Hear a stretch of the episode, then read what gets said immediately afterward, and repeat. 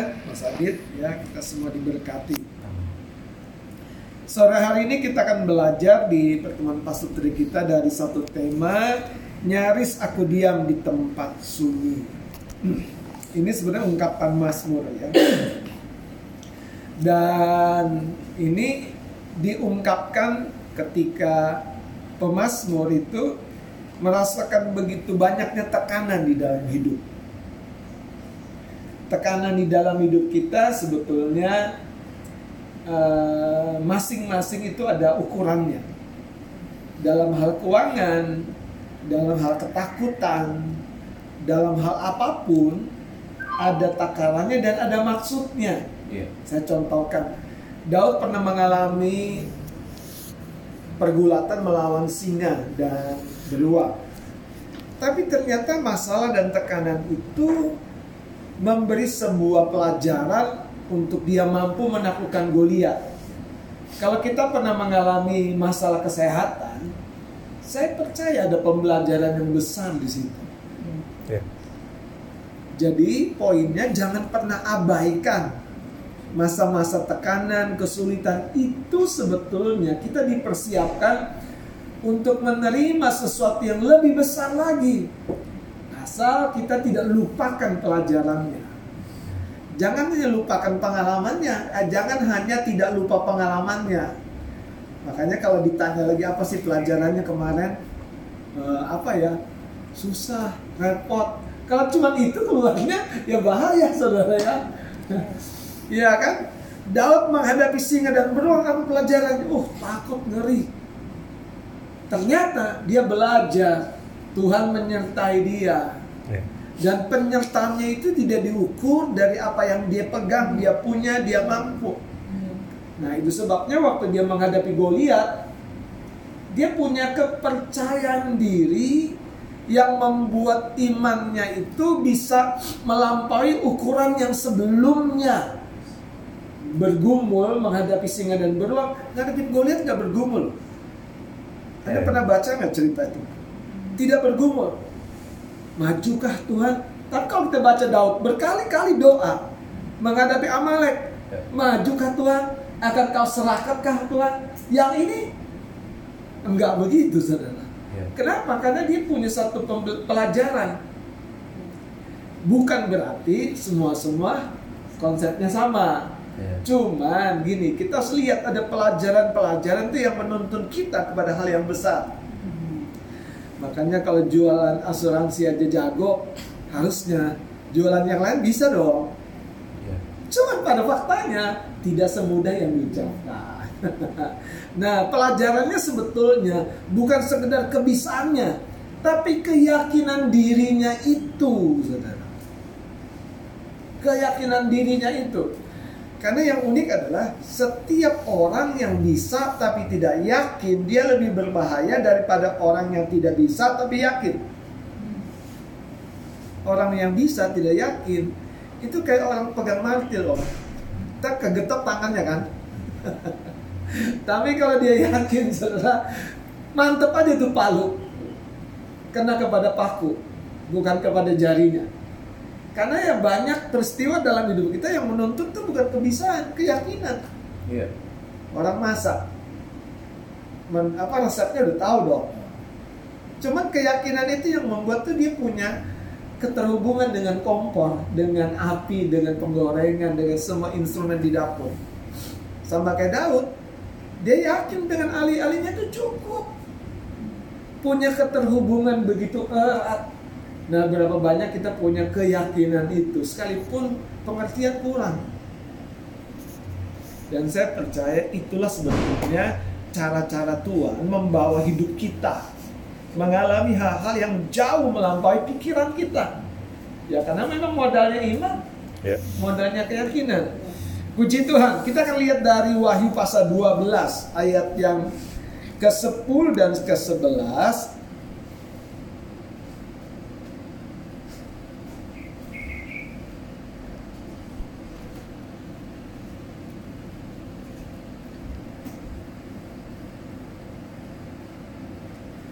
Wahyu pasal 12 ayat yang ke-10 saja ya. Eh sorry, ayat 10 dan 11 kita baca 2 3. dan aku mendengar suara yang nyaring di surga berkata, sekarang telah tiba keselamatan dan kuasa dan pemerintahan Allah kita dan kekuasaan dia yang diurapinya karena telah dilemparkan ke bawah para pendakwa saudara-saudara kita yang mendakwa mereka siang dan malam di hadapan tahta kita dan, dan mereka mengalahkan dia oleh darah anak domba dan oleh perkataan kesaksian mereka karena mereka tidak mengasihi nyawa mereka sampai ke dalam maut. Kalau kita baca ayat ini, kita lihat bahwa uh, dan mereka mengalahkan si pendakwa-pendakwa itu yaitu setan itu dengan darah anak domba dan perkataan kesaksian.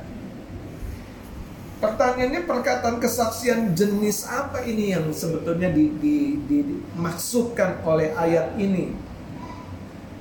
Karena kalau kita baca dikatakan iblis di ayat 10 itu dikatakan telah dilemparkan ke bawah pendakwa-pendakwa saudara kita dan dikatakan iblis mendakwa saudara-saudara kita itu siang dan malam, siang dan malam di hadapan Allah kita. Jadi ini yang sebetulnya makin nyata bahwa dunia lahiriah kita tuh tidak pernah terputus dengan dunia rohani.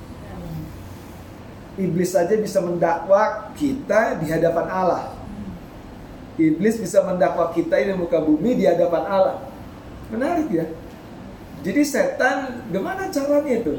Mengetahui hidup kita, tapi dia langsung bisa mendakwa kita, melaporkan kita dengan mendakwa itu di hadapan Allah. Di sini kita belajar bahwa kebenaran diri kita itu sangat-sangat menentukan. Tapi ternyata kebenaran diri kita bukan hanya didasari oleh pengudusan oleh darah Yesus. Makanya ini dikatakan dan mereka sebelah coba lihat. Dan mereka mengalahkan dia oleh darah anak domba. Jadi kebenaran yang pertama itu terjadi ketika kita mengalami pengudusan oleh darah anak domba. Tapi kebenaran yang berikut adalah oleh perkataan kesaksian. Kalau di ruang sidang, ya kan, terdakwa ditanya, benar begini, benar, benar begini, benar begini, jaksa penuntut yang tanya. Dan kalau dia berkata, benar saya tidak melakukan, ada alibinya dong, ya kan? Nah, alibi itulah sebetulnya yang menjadi satu paket yang merupakan kekuatan kita untuk mengalahkan si pendakwa itu. Jadi kita sudah dikuduskan. Tapi kalau kita berhenti bersaksi, mulut kita terkunci rapat, tidak berbicara. Pembenaran bahwa kita anak Allah. Pembenaran bahwa kita ahli waris kerjaan surga. Itu tidak memiliki satu apa namanya kekuatan yang mendasari dunia rohani ini bekerja. Sama seperti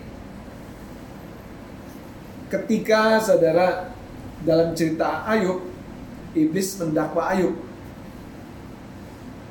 Tapi Ayub sudah membentengi dirinya melalui korban sembelihan tapi lemahnya dalam konteks Ayub ini adalah Ayub belum sampai kepada cerita ini nih. Oleh darah anak domba dan perkataan kesaksian. Karena Ayub tidak atau belum memasuki konsep perjanjian baru bahwa Yesus sudah meletakkan musuh-musuh kita di bawah kaki kita oleh kemenangannya di kayu salib. Namun bagaimana yang di bawah kaki kita itu dapat betul-betul kita kalahkan melalui perkataan kesaksian kita. Satu ketika bahkan saudara Yesus pun ketika berhadapan dengan roh-roh jahat itu setan tahu dalam satu kesempatan roh itu sampai bilang apa maksudmu? Apakah kau hendak menyiksa aku sebelum pada waktunya? Dan ketika Yesus dengar itu yang dia lakukan adalah untuk memerintahkan roh jahat ini diam dan keluar. Ini cerita lagi.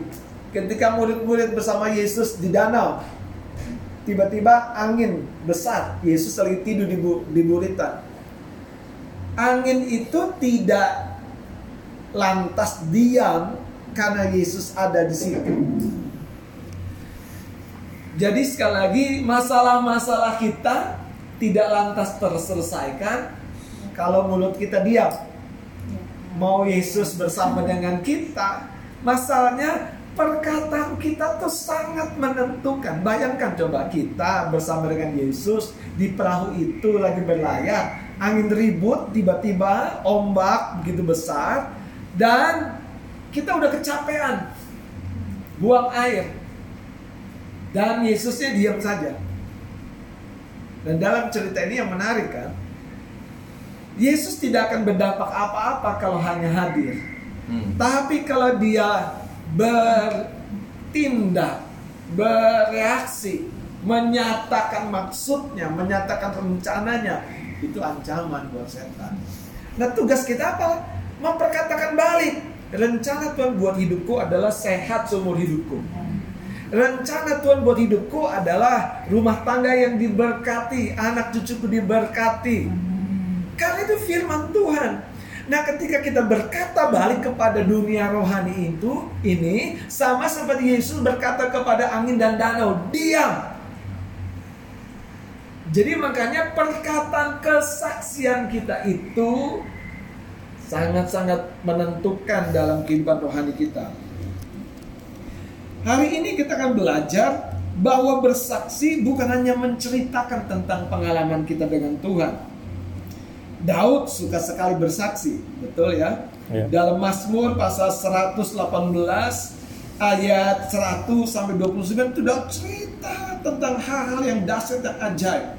Tapi di ayat 17 Mazmur 118 ayat 17 saja Daud bilang begini, aku tidak akan mati, tetapi dan aku akan apa? Menceritakan perbuatan-perbuatan Tuhan. Ini dalam proses kan? Iya. Daud dalam pergumulan kan? Makanya dia berkata, aku tidak akan mati, aku tidak akan bangkrut, aku tidak akan pulang kampung kosong, aku pun paling pulang kampung bawa berkat, menabur berkat.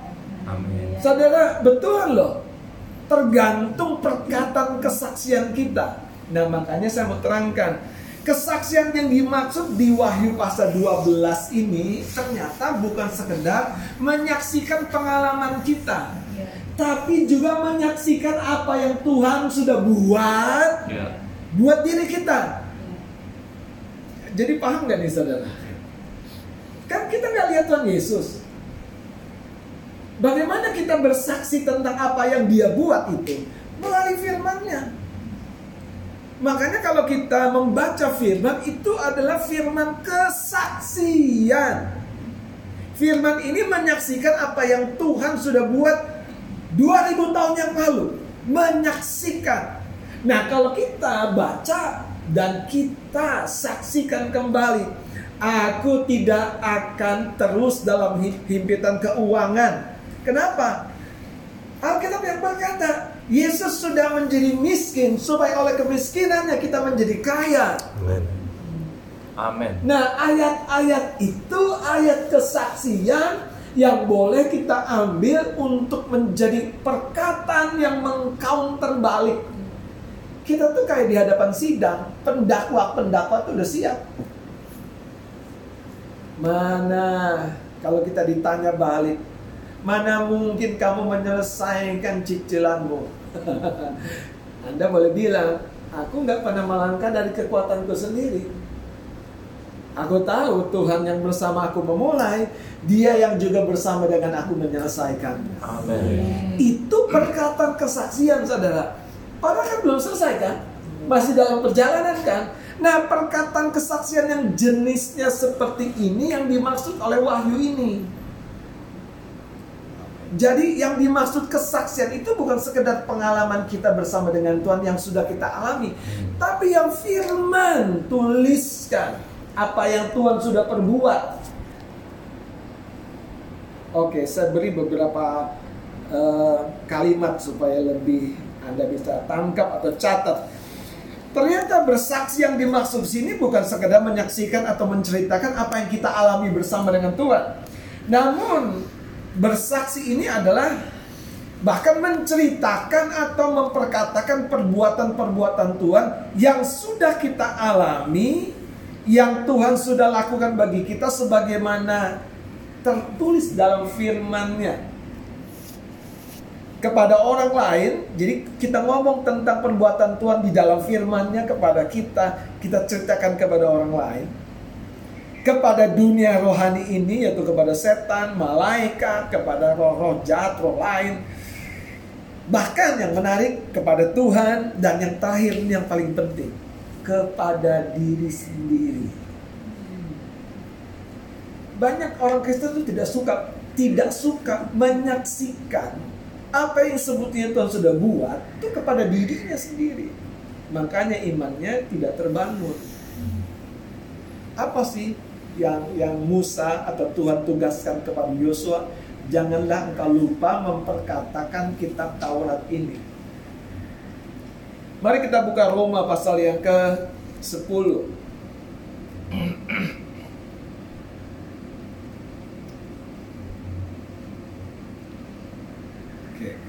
Roma pasal yang ke-10 menarik sekali saudara. Saya akan baca.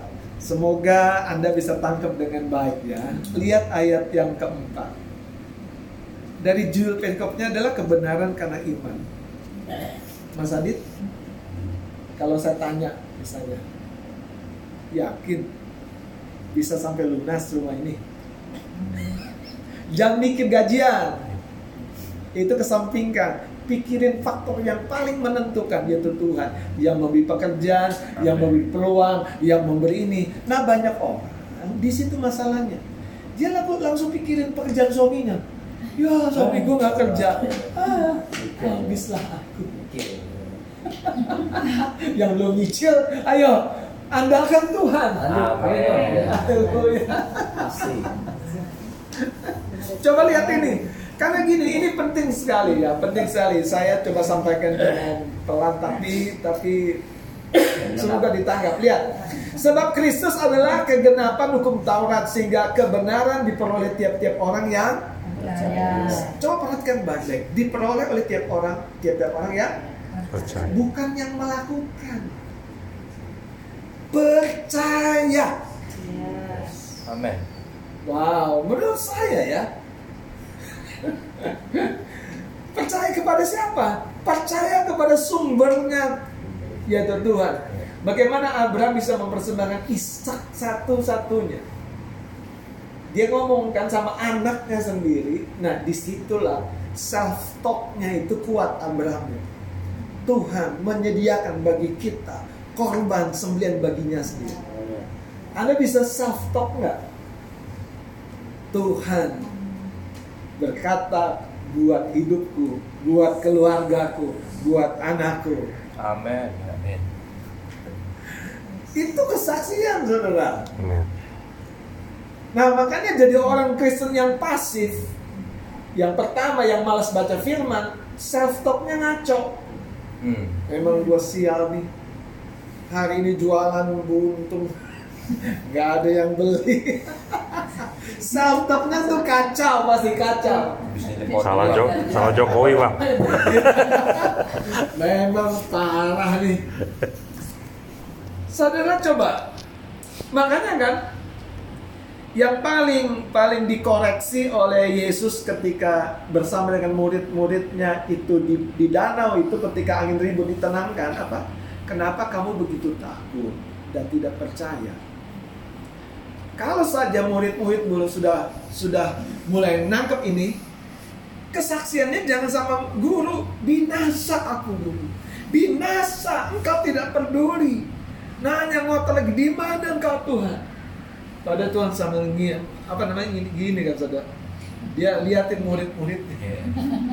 Ah, sambil me- me- mermelek gitu, liatin murid-muridnya. Ada bayangkan gak sih? Gak mungkin Yesus 100% tidak sadar. Menurut saya gak mungkin saudara. Iya. Karena udah begitu rupa saudara. Dan begitu hebat badai itu. Bayangin, bayangin coba saudara. Apakah Yesus 100% nggak sadar gitu? Dan ini konsepnya tidur loh, bukan pingsan. Jadi bayangkan saudara. Apakah suara, maaf nih, coba anda logika. Apakah suara Petrus lebih kenceng daripada suara ombak angin ribut itu? Sehingga suara Petrus bisa bangunin Yesus. Guru, kan tidak peduli kalau kita binasa. Terus enggak. Yesus gak mungkin tidur 100% dan tidak peduli. Tadi saudara, dia pengen lihat bagaimana reaksi. Hmm. Makanya waktu dibangunkan yang pertama dia bicara sama sama angin. Nah, itu makanya kesaksian. Saya lanjutkan nih, Roma 10. Sebab musim Musa menulis tentang kebenaran karena hukum Taurat. Orang yang melakukannya akan hidup karenanya.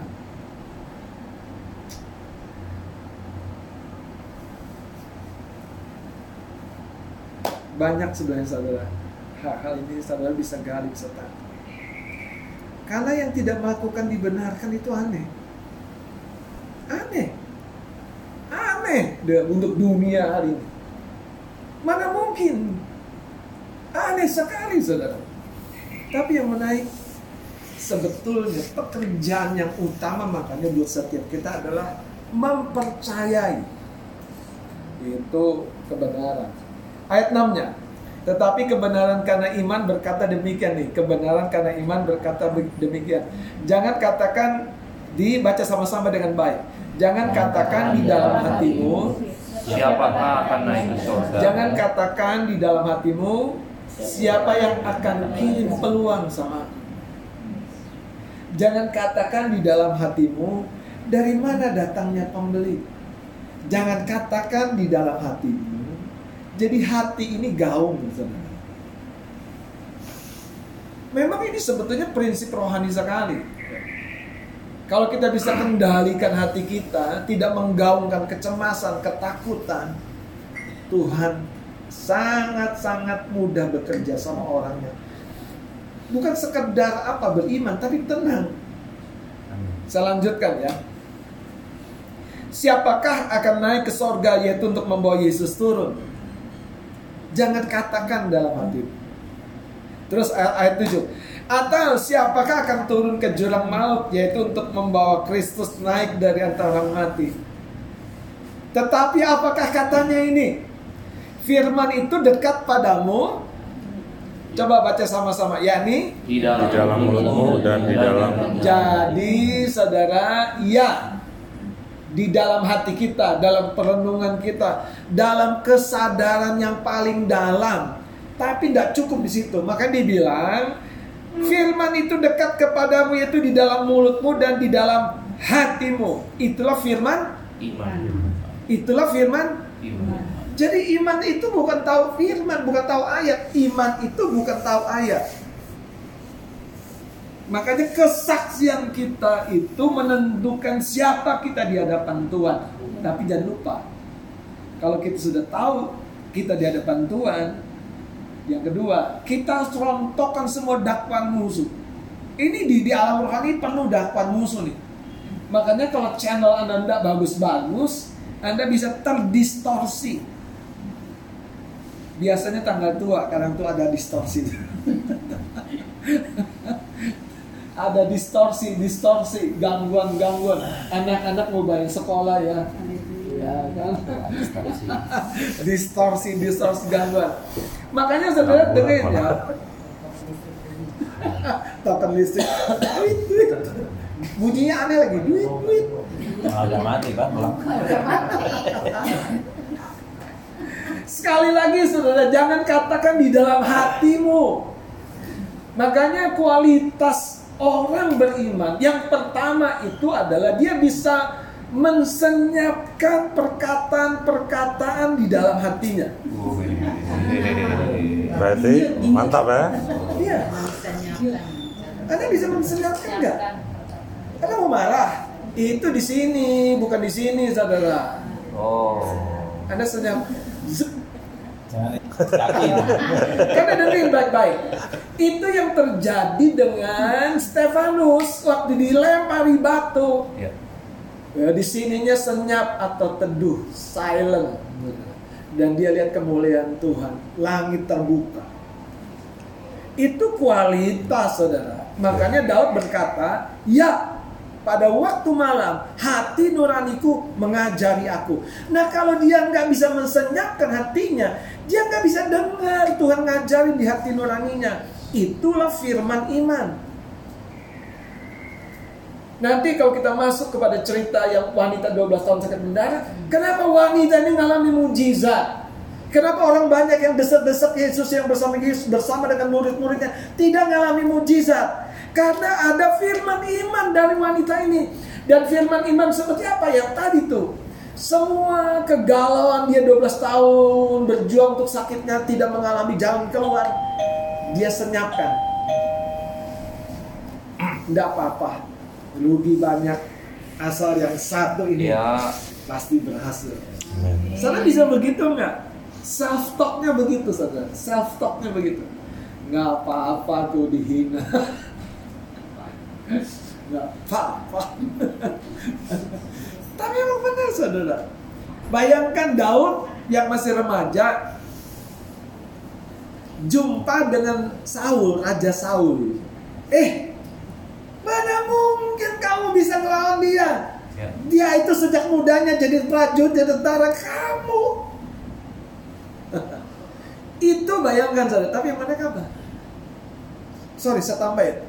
Bukannya Raja Saul, kakak-kakaknya bilang, Daud, ngapain kamu ke sini? Aku tahu kejahatan hatimu. Ke mana kambing domba dua tiga ekor itu? Anda tahu nggak? Itu tuh pengen nanyain si Daud. Kamu kan cuma gembala kecil. Tapi Daud apa? Lewatin aja, itu bukan urusanku. Itu bukan urusanku. Itu bukan pertandinganku. Ngelawan omonganmu tuh bukan pertandinganku. Iya. Tapi Goliat, emang Daud diem, Daud mute. Iya. Oh, Daud ngomong. Engkau mendatangi aku dengan apa? Lembing. Tombak, tapi aku mendatangi engkau. Dan- Itu namanya kesaksian. Amin. Jadi kalau Anda melintasi tekanan hidup, Ya. alami kesaksian, alami pembelajaran.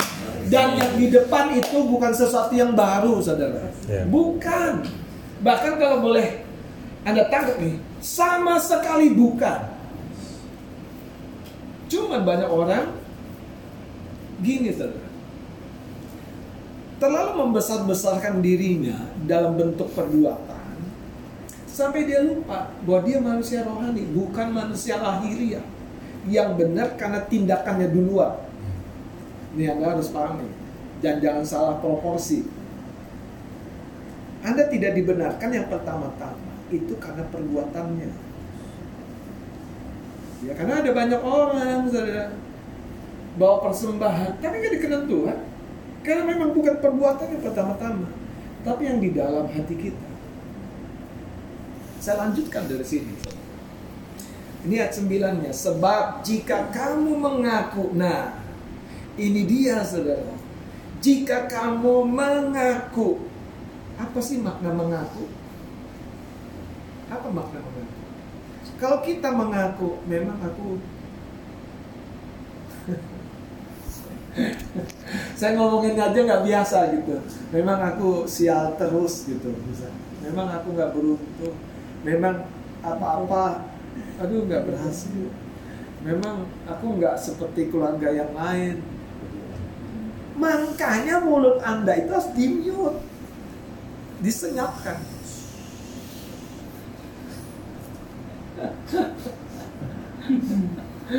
Amin. Kalau Daud waktu diomongin kakak-kakaknya abangnya itu Iya. bangkit gitu, tersinggungnya. Hmm? Iya deh, Emang gue. iya, iya deh, pulang kampung jauh. Dia omongin Raja Saul, pemimpinnya. Kamu lawan dia. Dia tuh dari mudanya jadi tentara kamu. Iya. Dan tuh memang kecil pada waktu itu, remaja. Bayangkan kalau dia tidak belajar di padang yang senyap itu. Dia mendengar bukan hanya suara embe embe, tapi sesuatu sedang ngajarin dia. Tuhan adalah gembalaku. Makanya nyanyian dan Mazmur Daud itu pewahyuan. Itu sesuatu yang ditaruhkan oleh roh Tuhan di hati Daud. Dan Daud apa? Saksikan kembali. Tuhan adalah bahkan ba- kalau ayat itu kan lebih keren bahasa Inggrisnya. Aku nggak perlu ada kata ingin. Aku ingin ini. Aku ingin ini. Oh, semua udah ada. As I shall not want. Ingin aja nggak perlu bayangin orang. Yang paling bahagia kan Mas Kiki sekarang.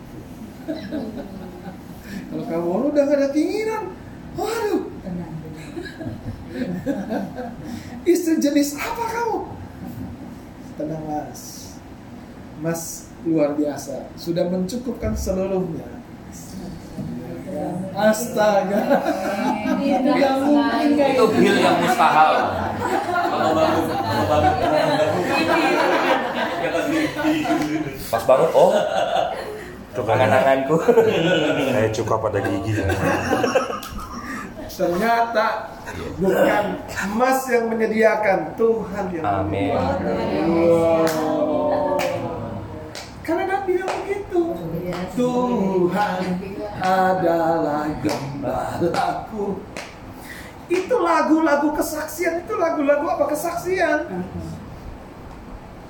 Makanya betulan loh. Empat. Banyak orang Kristen tuh di level yang paling dasar sekali. Aku nggak pernah ngalamin mujizat. Siapa bilang? Jun, Masalahnya dengerin saya. Hati kita tuh nggak pernah bisa disenyapkan. Kita ukur dengan yang lain. Kita ukur dengan orang lain. Dan jangan juga terlalu pendek. Bisa bernapas itu aja mujizat. Itu dangkal banget. dan Mas Koki. Karena karena maksudnya begini saudara. Tuhan juga mau ajari kita bersaksi saudara. Seturut dengan perjalanan proses hidup kita. Itu yang Daud saksikan di hadapan Goliat. Oh, kamu akan menjadi salah satu seperti singa atau beruang itu. Itu kesaksian yang parah, saudara, menurut saya. Karena Daud nggak punya modal yang layak untuk lawan Goliat. Halo, bener nggak? Iya. Kalau anda punya duit, punya cukup di rekening, PD kita kan cukup naik kan? Oh iya, Iya kan? mukanya langsung. Muka tuh langsung ada ada cahaya, ya kan? ya kan? Apalagi suami tiba-tiba peluk dan tiba-tiba bisikin mantra. Iya. Untuk liburan bulan depan sudah ada. Itu keliburan udah ada bulan depan. Tapi buat makan belum tahu. Maksudnya sudah ada yang ngajak. Solusi. Jadi teman-teman, ini yang saya mau sampaikan untuk bersaksi yang pertama perbaiki perbendaharaan saudara keyakinan Anda. Kalau Anda nggak yakin tentang masa depan Anda, lihat perkataan kita tuh tentang masa lalu terlalu dominan. Kita ngomongnya tentang masa depan, anak-anakku akan luar biasa. Belum terjadi. Ngomong dasarnya apa? Iman, keyakinan. Makanya ayat ini bilang jangan kamu katakan di dalam hatimu siapa yang bawa Yesus turun dari surga. Hati kita tuh menentukan. Makanya kalau hati kita mulai ngomong sesuatu yang salah, Itu parah saudara. Dengerin saya. Dengerin nih, dengerin ya. Otak kita bisa salah. Tapi kalau hati kita tetap tetap teduh, itu kita masih bisa ada Maaf ya Pak. Iya, iya.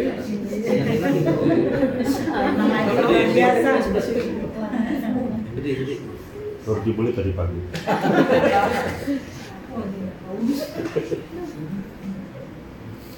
Dan ini memang memang benar saudara. Rahasia kelimpahan di mana? Di jiwa. Amin. Jadi kalau jiwa kita error, lihat aja. Apa namanya? Bunga-bunga kepikiran kita tuh selalu ketakutan, kecemasan, kelemahan. Aku kok cekot-cekot ya. Jawa, Jawa. Aduh, aku kayak, aduh. Kayak Pak Iya. Eh, tensinya drop. Nggak tahu ya nama tukang urut yang kemarin. Eh, Bisa juga. Bisa loh. co- coba ibu-ibu kalau ngaca apa yang muncul? Wajah suaminya. Pede banget. Udah lama ganti baju. Kaca di rumah fotonya di. Udah ngaca soalnya. Udah sih nasi. Istri saya, istri saya punya kelakar buat kami berdua. Oh Tuhan, pakailah hidupnya. Jadi suamiku adalah suamiku. Pakailah suamiku selagi Aku aku masih Ego. Lagi itu ya. Mikirin diri sendiri.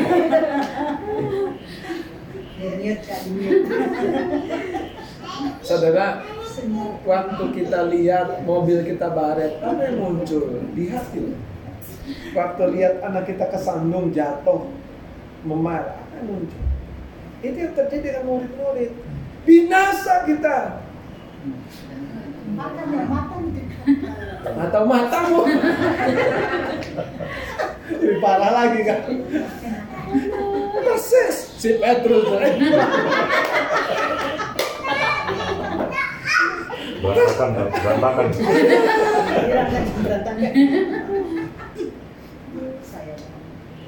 Kan itu ketakutan, itu kecemasan, dan itu permulaan dari banyak masalah.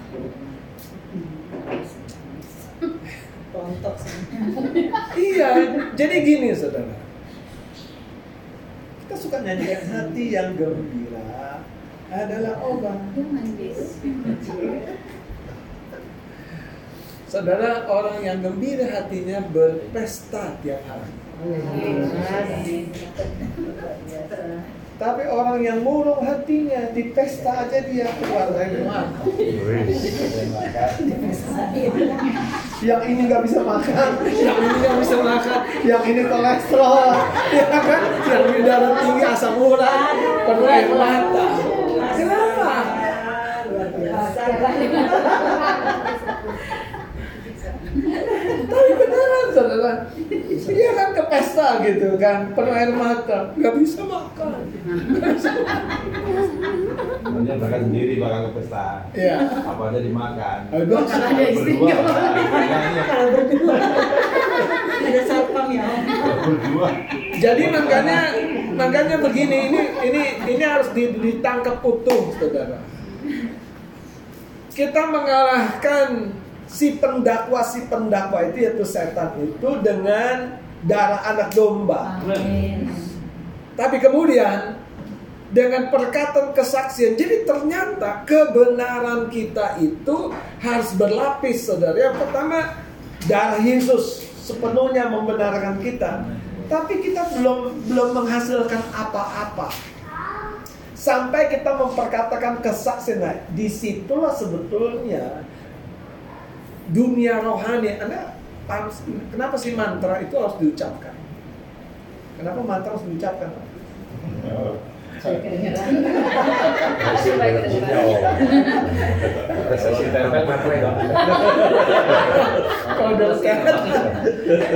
kan gini saudara, dunia rohani itu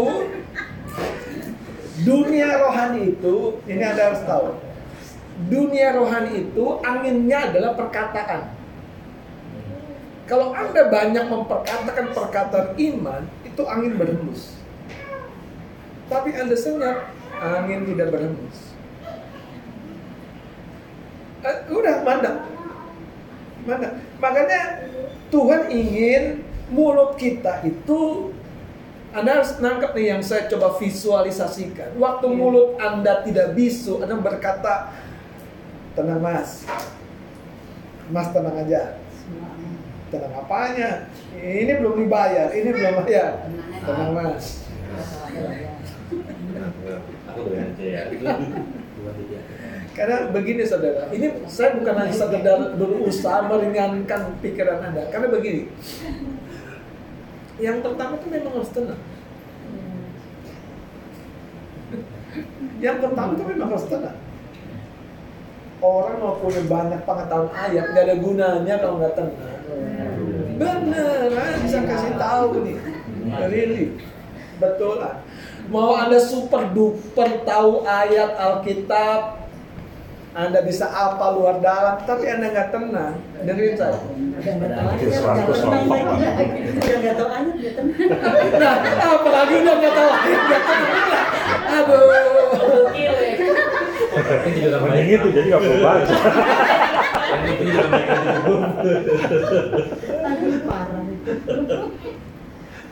Karena memang instrumen dunia rohani itu sebetulnya perkataan.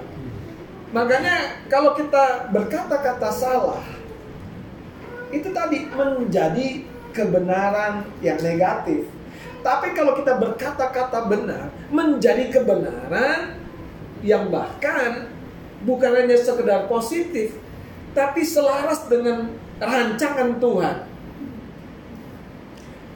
Coba kita kembali ke Mazmur yang tadi kita kita baca. Ini ini luar biasa Daud berkata Saudara. 118 ayat 17. Kita baca ya Mazmur 118 ayat 17. Kita baca ayat 17 ya 23. Aku tidak akan mati tetapi tetapi hidup. hidup dan Dan aku akan menceritakan perbuatan-perbuatan Tuhan. Wow. Amin. Wow. Padahal kalau kita lihat ayat ini cerita apa? Daud itu dalam sebuah proses. Bahkan kalau kita lihat ayat 8 ayat 18-nya, Tuhan telah menghajar aku dengan keras. Tetapi ia tidak menyerahkan aku kepada maut. Ayat 19-nya, bukakanlah aku pintu gerbang kebenaran. Aku hendak masuk ke dalamnya, hendak mengucap syukur kepada Tuhan. Inilah pintu gerbang Tuhan. Ini Daud bayangkan memvisualisasikan imannya. Inilah. Wah. Jadi dia lagi bayangkan, dia lagi ngomong sesuatu yang di dalam batinnya itu saudara. Inilah pintu gerbang Tuhan. Orang-orang benar akan masuk ke dalamnya. Aku bersyukur kepadamu sebab engkau telah menjawab aku dan telah menjadi keselamatanku. Saudara keyakinan Daud itu yang membuat hidup yang dalam proses itu sudah ditemukan ujungnya. Anda sudah mulai temukan ujungnya? Hah? Haleluya. Dikit lagi. Dikit lagi. Pertanyaannya saudara tentang dirimu sendiri, apa keyakinan? Anda yakin tentang dirimu apa? Eh beneran loh saudara. Banyak orang tuh nggak yakin dirinya akan hidup. Seperti ini. Aku akan hidup, aku nggak akan mati. Apa keyakinanmu tentang dirimu? Aku akan, yes, 60 kilo saja lagi. Wah, It's impossible. aku tidak akan tahu.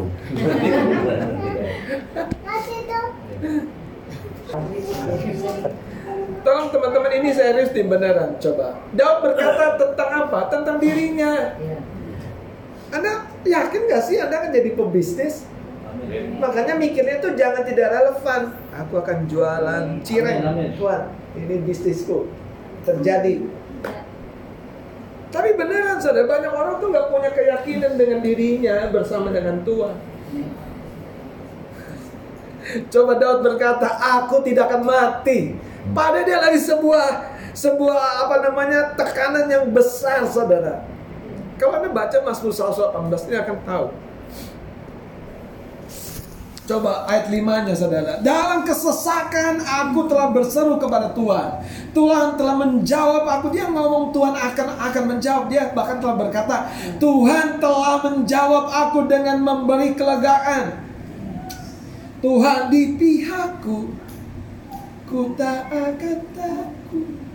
Ini memang lagu-lagu penuh kesaksian, saudara. Makanya kalau kita tidak Ayat tujuhnya Tuhan di pihakku menolong aku Aku akan memandang rendah mereka yang membenci aku Jadi apa? Masalah pasti Tantangan pasti. Tapi kehadirannya juga pasti dalam hidup kita yang percaya Di level mana kita sudah mempraktekkan kesaksian itu?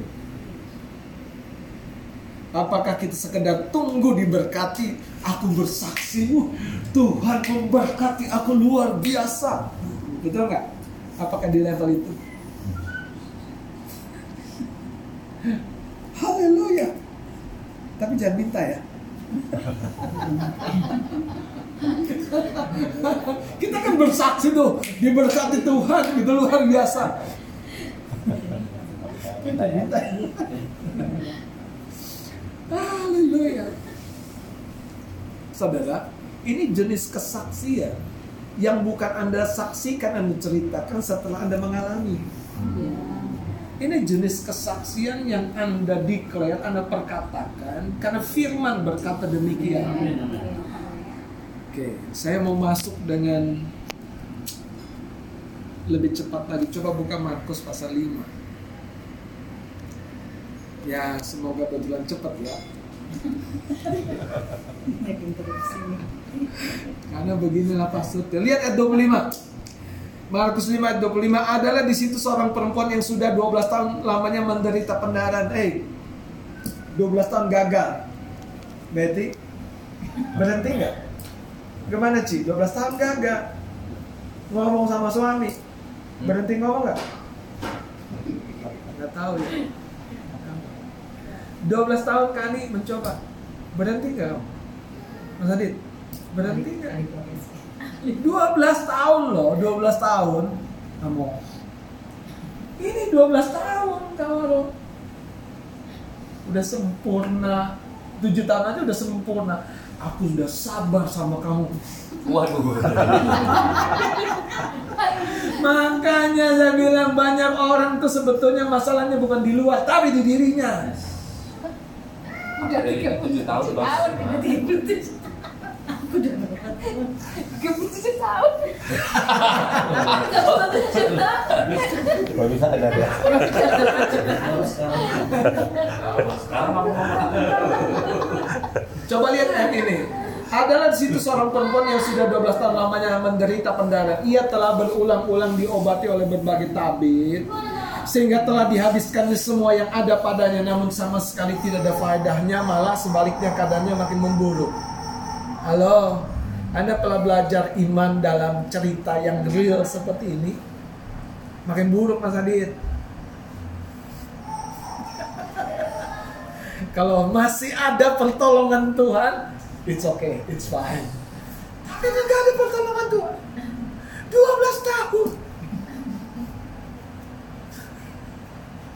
Makanya masalahnya itu di jiwa. Wanitanya nggak nyerah loh, Ya, nggak nyerah dengan hidupnya. Kita dikit-dikit udah nyalain orang, padahal dia nyerah dengan dirinya. Papa sih nggak ngajak aku jalan pagi. 12 menit yang lalu. Papa sih nggak kasih tahu makannya. Nih, mami sih nggak ingetin aku. Udah tahu. Diingetin ya. Makanya lihat nih, lihat nih. Banyak orang tuh sebetulnya dia nggak punya self talk yang positif ke diri. Aku bisa, aku mampu karena Tuhan. Tuhan memberikan kesabaran, Tuhan memberikan hikmat kepadaku. Bisa juga. Aku akan sangat sehat dan makin sehat. Sambil Anda kasih tahu makin sehat, betul kan? Waktu Anda nangkap gambarnya itu di pikiran dan di perasaan, itu yang terjadi, saudara. Kalau orang cuma di pikiran, nah itu tahu doang. Tapi kalau udah sampai ke perasaan, saudara, yang Yesus ajarin bagaimana? Membenci itu di mana? Aku cuma sebel. Aku nggak rasa marah sih. Bohong. Halo. Aku pengen bunuh, maaf, maaf. Aku pengen bunuh dia. Itu cuma di pikiran kedua. Nggak ada kemarahan kok. Makanya saudara, kasih tahu ya, komedian-komedian yang bunuh diri itu kenapa? Bahkan yang aneh ya, perkataan dia bisa nggak keluar, tapi di sini tuh berdarah-darah, saudara, berdarah-darah, betul kan? Dan bunuh diri beneran, komedian, melucu, menghibur orang. Wah, nikah sama dia enak tuh kayaknya, ketawa terus pak, air muda kan?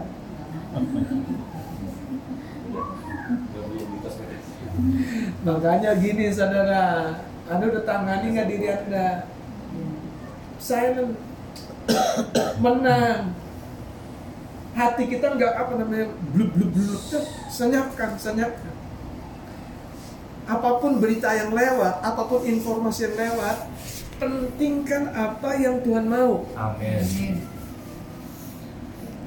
Coba lihat cerita ini. Karena di sini sebetulnya kuncinya, saudara. Ayat 27. Wanita ini bukan sekedar tahu, dia sudah mendengar berita-berita tentang Yesus. Maka di tengah-tengah orang banyak itu ia mendekati Yesus dari belakang dan menjamah jubahnya. Ayat 28 sebab katanya. Jadi tindakannya itu ada dasarnya. Tindakannya itu ada permulaannya. Tindakannya itu bukan semata-mata, sekonyong-konyong. Tindakannya itu hasil sebuah perenungan. Dan dalam konteks an- orang ini 12 tahun sakit mendarat, lah bisa nggak ya? Tapi yang menarik, wanita ini memperkatakan suara yang belum pernah dia perkatakan. Asalku jamah saja jubahnya, aku akan sembuh. Saya lihat saudara, di sini menariknya saudara. Kenapa dia berkata asalku jamah saja jubahnya? Karena dia telah melakukan banyak hal yang tidak berujung kepada hasil. Dan dia temukan satu yang belum pernah dia temukan itu apa? Keyakinan. Makanya kalau kita mencari peluang, senyapkan dulu hati kita. Sehingga berita kecil pun yang kita tangkap itu jadi rema yang kuat. Ayat 29 Seketika itu juga berhentilah pendarahannya Dan ia merasa bahwa badannya Sudah Sudah, sembuh. dari penyakitnya.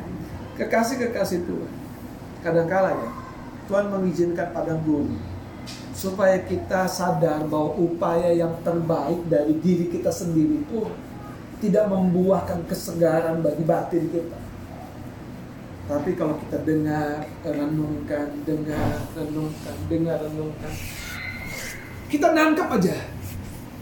Tuhan mampu mengubah hidupku. Itu lebih daripada banyak janji manusia. Kenapa? Karena itu menyentuh bagian yang paling nyata sebetulnya di dunia rohani. Itu batin manusia. Kenapa dalam Wahyu pasal 12 ayat 10 dan 11 ini dikatakan dan mereka mengalahkan dia oleh darah anak domba. Kita tahu yang pertama apa?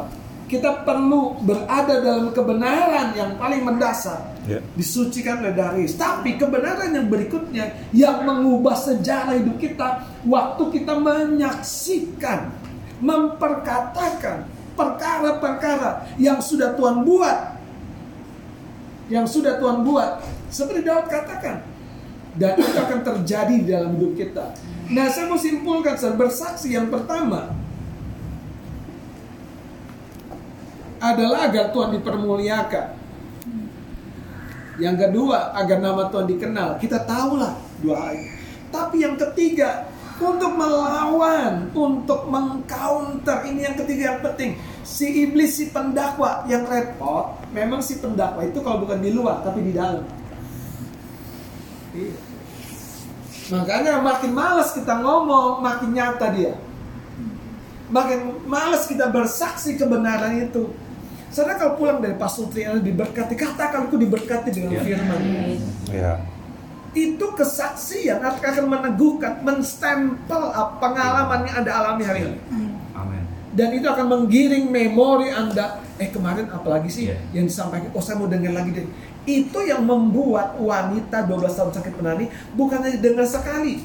Karena ayatnya bilang dia telah mendengar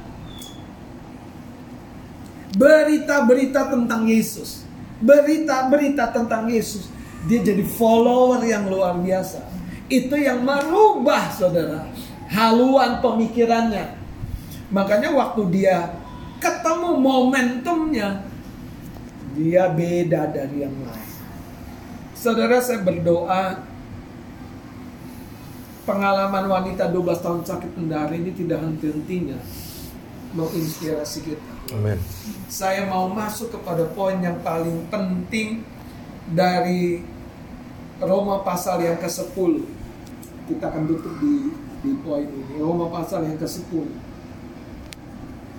Ayat 17 kita baca sama-sama 23. Jadi Iman, timbul dari pendengaran dan pendengaran oleh firman Kristus. Ada kaitannya dengan di atas ya. Jangan katakan, jangan katakan bahkan di dalam hatimu. Jadi proses keyakinan itu kita perbaiki dulu. Kalau hati kita masih suka ah, lemes sendiri, ah, itu ada instrumen yang salah. Makanya perbaiki hati kita perenung. Kemudian dibilang apa? Tetapi aku bertanya, adakah mereka tidak mendengarnya? Mereka memang mereka telah mendengarnya. Suara mereka sampai ke seluruh dunia dan perkataan mereka sampai ke ujung bumi. Tetapi aku bertanya, adakah Israel menanggapi? Menanggapnya. Pertama-tama Musa berkata, aku menjadikan kamu cemburu dan seterusnya. Lihat ya saudara. Kita lompat ayat yang ke sebentar. Ayat yang ke-10. Eh, sorry ayat 9 dulu supaya lebih jelas. Sebab jika kamu mengaku dengan mulutmu mengaku dengan mulutmu bahwa Yesus adalah Tuhan dan percaya dalam hatimu bahwa Allah telah membangkitkan dia nggak kita lihat. Nggak kita alami Dikatakan percaya dalam hatimu bahwa Allah telah membangkitkan dia dari antara orang mati, maka kamu akan ini perkara yang rohani sekali, saudara. Nah, dirumuskan ayat 10-nya. Karena apa? Dengan hati. Baca sama-sama karena Dengan hati hati orang percaya dan dibenarkan dan dengan mulut orang mengaku dan diselamatkan. orang bersaksi atau saya bersaksi dan mengalaminya diselamatkan mengalaminya karena itu gini saudara siapa kita tuh tergantung perkataan kesaksian kita kuasa Tuhan akan terkunci di firman di Alkitab akan terkunci di alam rohani ini sampai kita membukanya melalui perkataan-perkataan kesaksian kita. Daud itu memberi contoh, aku tidak akan mati, Iya. tapi akan hidup. Aku tidak akan makin kurang, aku akan makin diberkati. Amin. Iya. Dan akan menjadi berkat. Saudara, apa yang muncul ketika kita berfirman? Perkataan kesaksian apa yang kita mau saksikan? Sekali lagi saudara, kepada orang lain, kepada dunia, kepada Tuhan. Tapi yang pertama-tama kepada diri kita. Daud berkata, aku tidak akan mati. Itu kepada dirinya saudara. Dia menyaksikan keyakinannya. Itu yang saya percaya Daud ceritanya memang bergelombang tapi ujungnya selalu kemuliaan. Ujungnya selalu diangkat tinggi ujungnya selalu mengalami blessing. Bahkan satu mimpinya yang terakhir dalam kisah Daud adalah membangun bait Allah. Dia kan ngomong sama Tuhan. Tuhan tuh nggak restui Daud sendiri tangannya membangun bait Allah, tapi Tuhan tuh berkenan atas idenya. Makanya Daud seumur hidupnya dia tahu kasih kemurahan Tuhan tuh menyertai. Bahkan cuman keinginannya saja itu diberkahi Tuhan. Nah, sore hari ini latih diri self talk yang positif, bukan sekedar positif, yang firman Allah katakan. Kita omongin dengan yakin. Wah wanita 12 tahun sakit pendarahan, ujungnya aku pulih. Ujungnya aku punya rumah sendiri. Amin. Ujungnya aku punya ini, aku punya ini untuk nama Tuhan dipermuliakan. Ujungnya aku punya bisnis sendiri. Ujungnya aku bisa kerja dari rumah. Saudara, ujungnya ujungnya. Makanya waktu Anda katakan seperti Daud, aku tidak akan mati. Saya percaya angin sedang berhembus di dunia rohani. Dan Tuhan menangkap perkataan kita dan membuat janjinya sendiri itu nyata dalam hidup orang yang percaya. Sekali lagi, kalau kita diamkan mulut kita, tidak ada perkataan kesaksian, itu seperti Anda memasuki suatu tempat di mana tidak ada angin berhembus. Tidak ada awan akan datang, tidak ada angin berhembus. Betul. Tidak ada kehidupan akan datang, sinyal aja kadang tidak datang. Makanya saudara makin Anda memperkatakan, itu pergerakan akan segera terjadi. Amin. Yosua berkata kepada matahari berhenti, bulan berhenti, terjadi loh. Itu terjadi waktu Yosua memperkatakan yang dia yakini. hati. Mari kita berdoa.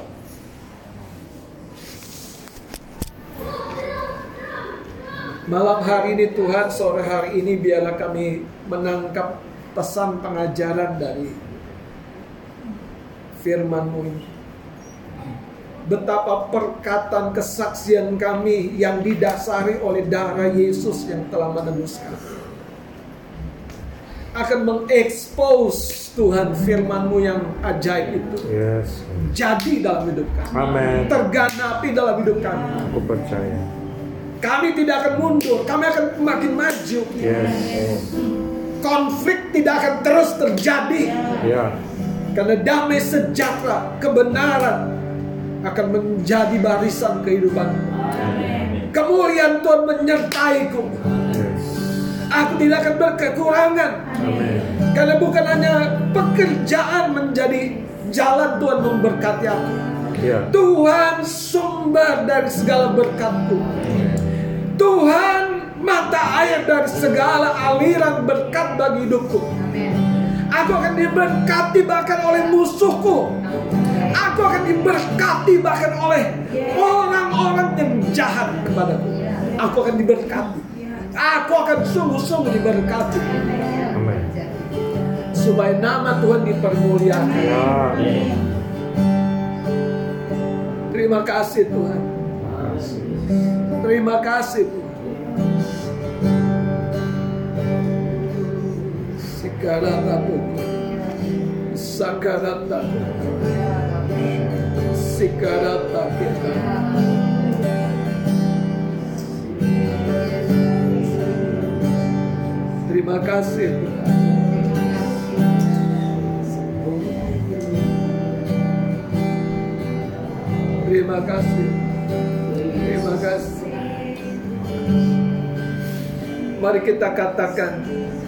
Tuhan di pihakku, ku tak akan takut. Haleluya. Haleluya. Tuhan di pihakku,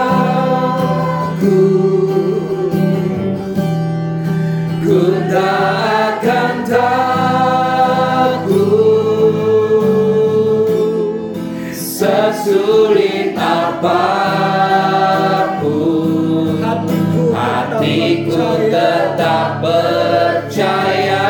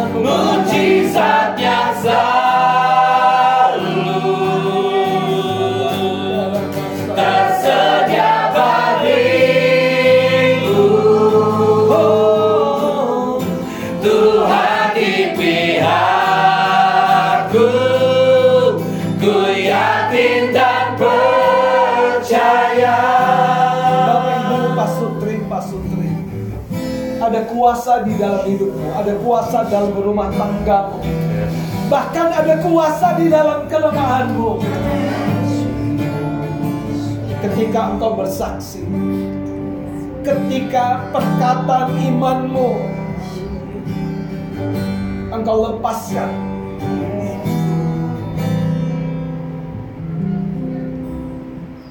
Daud berkata dari manakah datang pertolongan? Ya Pertolonganku datang dari Tuhan yang menjadikan langit dan bumi.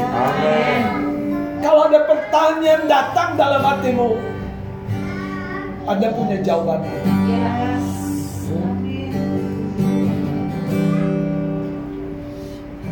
Kalau ada keraguan datang dalam hatimu, Anda punya jawabannya. Amin Daud berkata, Aku tidak akan mati.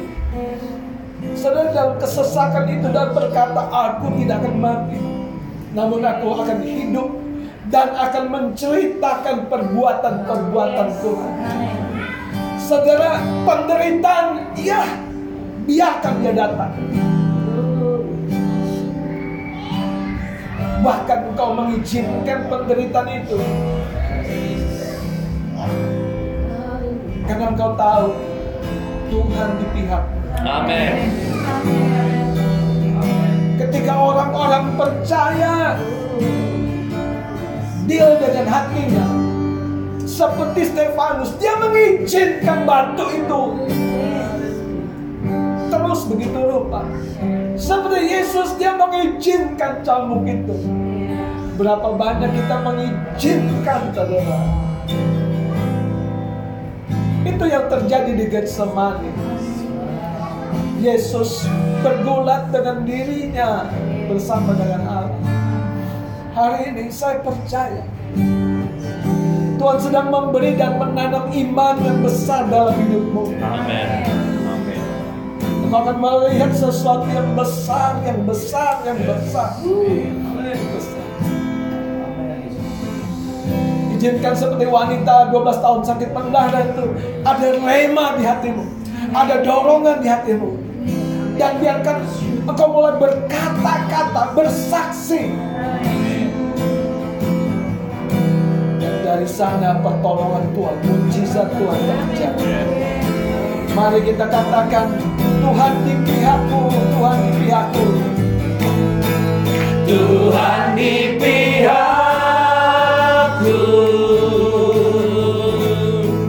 Ku tak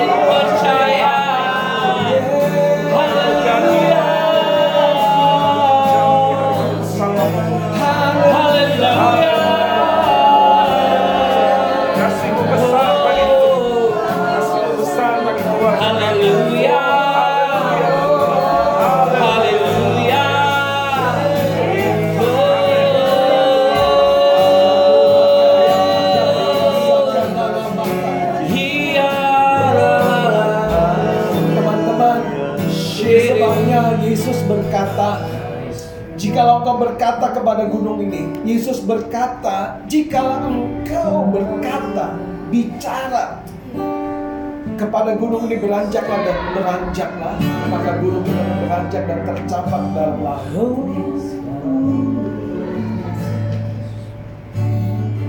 Ayo pasutri pasutri, ketika kau ada di tempat ini, mulai berkata-kata tentang dirimu.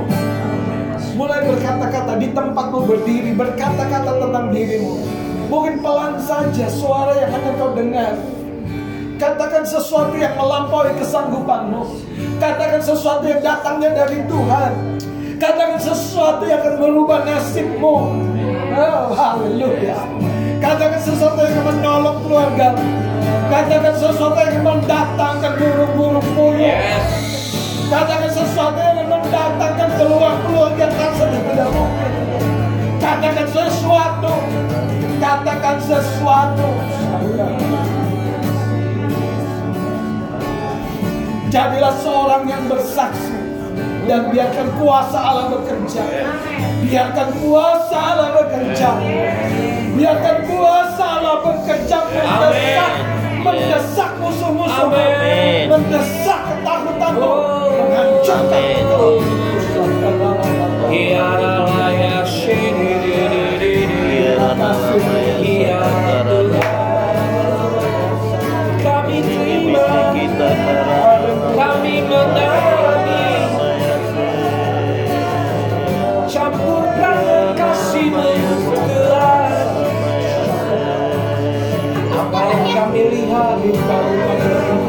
seperti yang Tuhan sendiri nyatakan. Kami terima, kami terima, kami melangkah. Dalam janji-janji Tuhan, dalam janji-janji Tuhan, kami hidup karena perkataan yang menghidup. Perkataanmu yang mengubahnya. Terima kasih Tuhan. Terima kasih Tuhan. Terima kasih Bapa Terima kasih Tuhan. Terima kasih. Malam hari, sore hari ini saudara. Jadilah anak-anak Tuhan yang Amin. melakukan bagiannya. Amin. Daud sering kali harus sendiri. Daud sering kali harus terjepit sendirian Itu sebabnya Daud belajar sebuah prinsip Self-talk. Bicara kepada dirinya. Bersaksi kepada dirinya sendiri. Ibu-ibu Tidak selalu suamimu ada.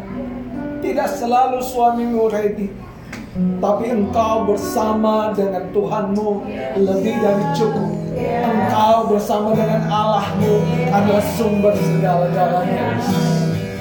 Suami-suami, tidak selalu orang yang mendukungmu ada. Tidak selalu istrimu bersama denganmu. Tidak selalu orang-orang yang menjadi pendukungmu menyertai. Tapi engkau bersama dengan Tuhanmu akan menginjak-injak musuh Amin. akan menghancurkan kubu-kubu pertahanan.